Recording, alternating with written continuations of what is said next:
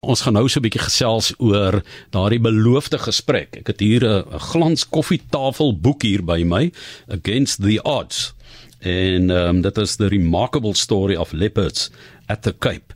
En ek is bevoorreg om vandag daaroor te kan gesels en sê baie welkom aan ons gas wat eintlik van die uh, Cape Leopard Trust is, ehm um, kommunikasie en uh, media bestuurder en uh, ons gesels dan met uh, Johnny Hayward oor die werk wat hulle doen. Nou hulle sê Johnny Kolkol is daar nog luiperds in die Weskaap. Dit klink soos 'n weervoorspelling.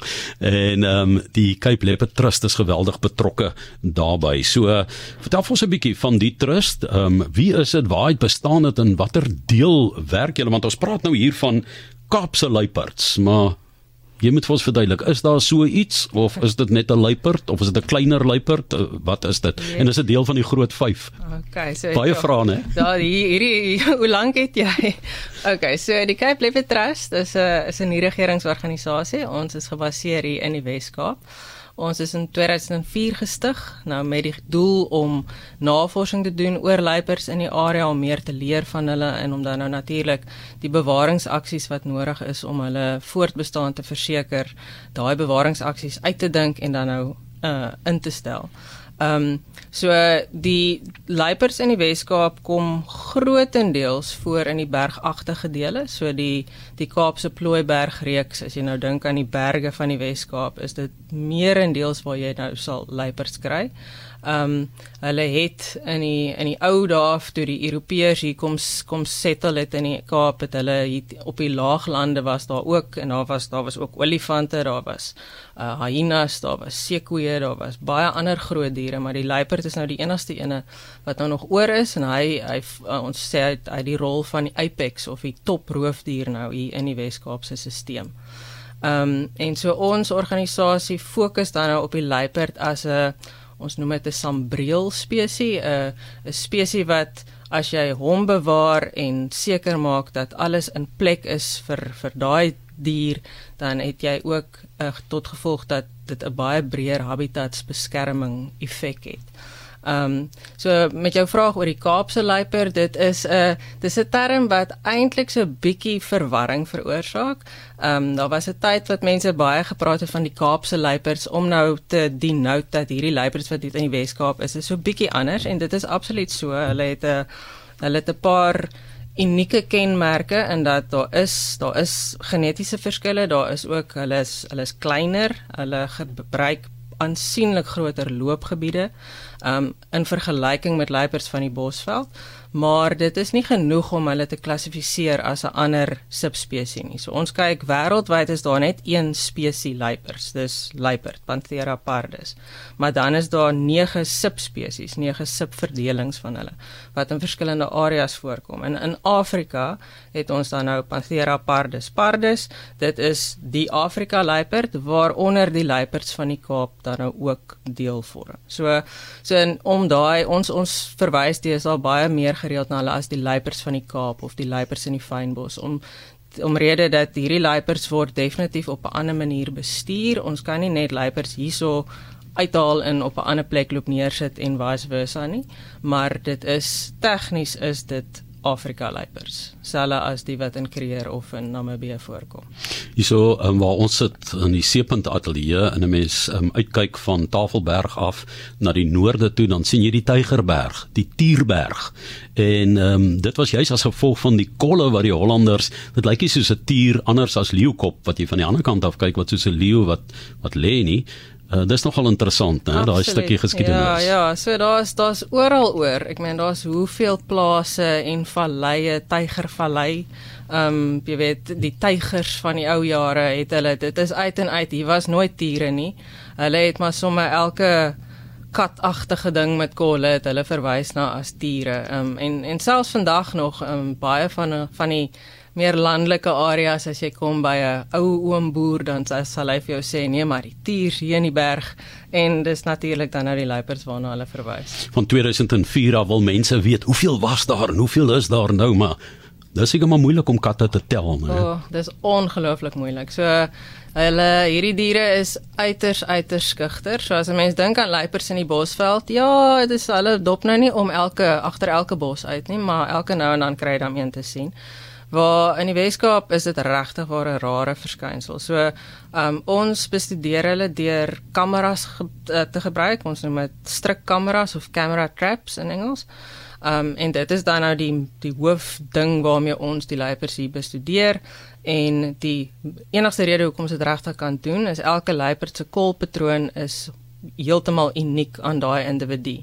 So dis basies soos 'n vingerafdruk. So as ons nou al hierdie kolpatrone, al hierdie duisende fotos wat ons kry in die, in die areas wat ons die kamera surveys opstel. Ehm um, as ons nou al daai goede begin vergelyk en al hierdie modelle doen, dan begin mense nou so half 'n gedagte kry, 'n idee kry oor uh hoeveel luipers daar is. My interessant nou die dag was daar nogal uh, mooi foto's gewees daar by Paul Kluwer waar hulle enig gesien het maar dit is so ongewoon dat hy oor die brug hier daar loop nie. So hulle is baie volop, hulle is baie skugter en mense is geneig om hulle net nie raak te sien nie, né? Ja, so volop nie nie regtig volop nie. Hulle is maar hulle hulle hulle populasiedigtheid is baie laag in die Kaap. So hulle is definitief nie volop nie. Ehm um, maar hulle is in die ronde en hulle kom dis is daar by Paul Kluwer en iets soos jy weet Lourensfort of uh, Lamot daar daar's 'n hele paar plase waar waar mense sal uh, baie uh, smile as hulle weet waar die luiperds rondstap in die nag. Maar dis dan nou natuurlik hulle is nagdiere en uiters skugter. So dit is iets ons sê ook baie vir mense, hulle hoef nie bang te wees om in die berg te gaan stap waar daar luiperds is nie. Ehm um, dit is nie 'n uh, aktiewe bedreiging vir mense nou net omdat hulle nou skielik weet hier is nou luiperds nie. En die oorlewing van die luiperds, ek neem aan die spanning tussen ehm um, georganiseerde manier van lewe boerdery, gemeenskappe, verstedeliking en so meer was maar die groot storie met die uitwissing nê van luiperds. Ja, so absoluut daar was um en en dit is ietsie wat die die die geskiedenis hiervan is ook ietsie wat in die boek nogals baie uitgelig word is die daar was vir baie baie baie jare, honderde jare was daar basies 'n losprys op luiperds se kop. Hulle is geklassifiseer as vermin, as absolute ondiere. Ehm um, en so die konflik tussen tussen mens en dier en roofdier en mens is is maar 'n baie reël ding en is 'n baie rou iets en dit is iets wat ons nog steeds tot vandag toe baie sensitief voor is. Ehm um, die mense se uitkyk oor luiperds het al in die paar laaste paar honderd jaar ook nou redelik verander vir vir die beter in in baie gevalle.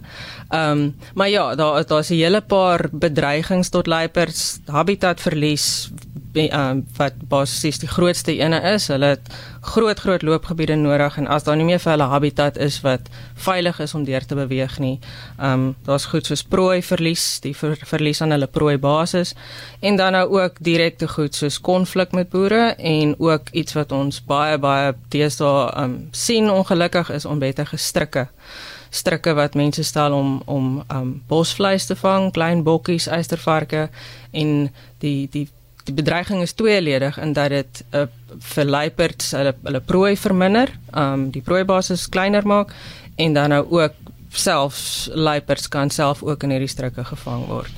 Ons gas moet wees gesels is Johnny Hayward, ehm um, kommunikasie en media bestuurder daar by die Cape Leopard Trust en um, ons gesels oor die luiperds in die Wes-Kaap, maar ek, ek neem aan dat die probleme wat julle het kan 'n mens gaan toepas in bykans al die provinsies. Dat dit maar jy weet eh, min of meer dieselfde gaan. Daar's hierdie soos jy sê hierdie vooroordeel en ook die beheer want ek kan dink as 'n mens 'n trop skape het en jy bly nog in 'n plattelandsgebied, ehm um, jy weet as jy teruggaan na die ou Afrika kultuur, die hyenas en goed wat jy wil uithou, jy maak 'n groot vuur en en, en dis 'n bedreiging vir jou. Dis vir jou vir die kindertjies wat daar rondhardloop, mense is bang.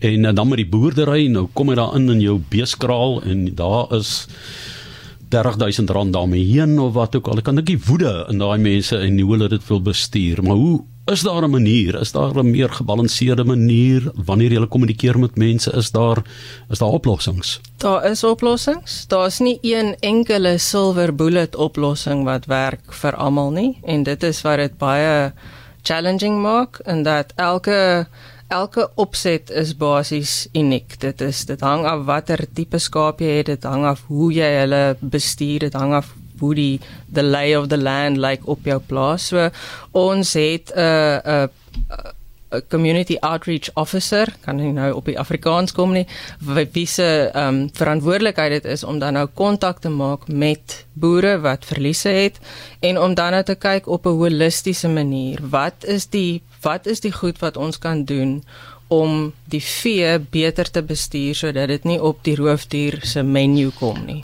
Ja, ek, ek dink die roofdier is maar baie soos die mens. Vandag het die stedeling gaan huis toe en kry takeaways, want dit is so maklik jy ry in en uit en as daar 'n maklike prooi is, jy weet 'n troppie skapel wat ek meen dit is so, ek wil amper sê dis menslik van die luiperd om daar dit is dis 'n jy weet dis 'n dis 'n baie moeilike ding want want ja, dit is soos jy sê dit is luiperds is opportunisties. Hulle hulle gaan nie maar hulle gaan ook nie as daar genoeg natuurlike prooi beskikbaar is dan dan fokus hulle nie op livestock nie. So die ehm um, die punt is dan nou maar om regtig te probeer om jou lewende hawe te bestuur soos wat jy sal maak met enigiets wat jy nie wil hê iemand moet van jou af wegvat nie.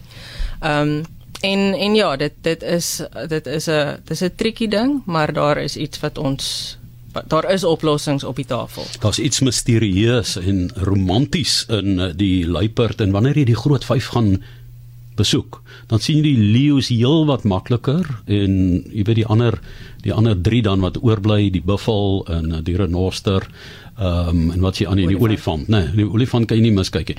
Maar maar mense sê dikwels dan was hulle in die wildtuin byvoorbeeld in die Kreer wildtuin dan sê hulle ek was 2 weke daar, ek het nie een luiperd gesien nie en so dit is dis dalk deel van die misterie en die gesogtheid, né? Absoluut. Ja, hy het 'n luiperd het op een of ander manier het hy bring hy hierdie iets in 'n mens uit. Hierdie uit hierdie ampere hy het so ampere magiese aantrekkingskrag wat ek wat ek voel ehm um, selfs selfs ek wat nou al hoeveel keer met hierdie kamera traps wat ons die die luiperd fotos wat opkom elke keer as daar 'n luiperd foto opkom dan smile jy. Dis net so ja klop 'n bietjie vinniger. dis lekker. Ja. Maar julle het nou maklik gemaak vir mense om wel die ehm um, die luiperd te sien hè in die boek. Ja, ja, die boek ek. Dis against yes, the odds, yes. the remarkable story of leopards at the Cape. Is dit om die luiperd trust te ondersteun? Ja, so dit is dis dis 'n viering van luiperds en 'n viering van luiperdbewaring. Ehm um, dis 'n boek dit dit fokus redelik op die Cape Leopard Trust, maar daar is ook 'n baie groot gedeelte wat gaan oor soos ek genoem het die die geskiedenis van luiperds aan die Kaap en hoe hulle bestuur is en die hoe navorsing hier begin het en hoe dit ontwikkel het en wat die wat mense al gedoen het tot dusver om te verseker dat luiperds bly voortbestaan vir die volgende 500 jaar. So ehm um, ja, dis 'n baie op 'n baie lekker geselstrand geskryf uh, deur omgewingsjoernalis John Yeld. Um ongelooflike mooi foto's daarin, 'n lekker ja, is lekker fees vir die oog en en ongelooflik baie inligting wat uh, ons hoop mense ook dan nou baie interessant sal vind. Ja baie oor die Cederberge. Jy weet ek het by geleentheid daar by Ograbies aan die noorde kant gaan stap. Ek en my vrou sommer die middag, ons net daar 'n kampplekkie en ons stap in 'n so kloofie. Man, dan is dit pragtig en toe ons so 20 minute stap. Dit was nie ver en toe ons omdraai en terugkom toe sien ek hier waar ons nou so mooi deurgestap en sê kyk hoe mooi is dit lê daai spore van die luiper maar ek word yskoud want dit moes naby ons ja. gewees het want hulle is so skugter ja. en so skaam ja.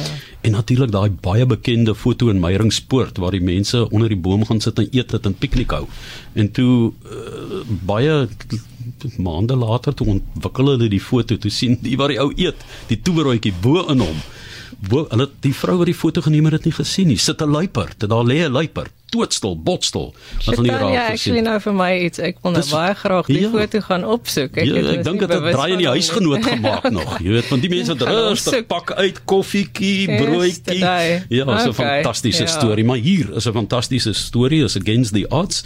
The remarkable story of leopards at the Cape so koffietafel boek, maar dis nie oor die boek waar ons gesels nie, oor die belangrikheid van luiperds, die opvoedkundige waarde daarvan en die beskerming, die habitatbeskerming want um, soos um, Johnny Haywood gesê het indien die luiperds daar is dan het jy 'n hele habitat wat gesond is daarom. En uh, ons wil julle sterkte toewens uh, so 'n bietjie jaloers oor die werk ook wat julle kan doen. Kommunikasie en media bestuurder um, en ook 'n uh, bioloog wat daar MSc in zoologie gedoen het.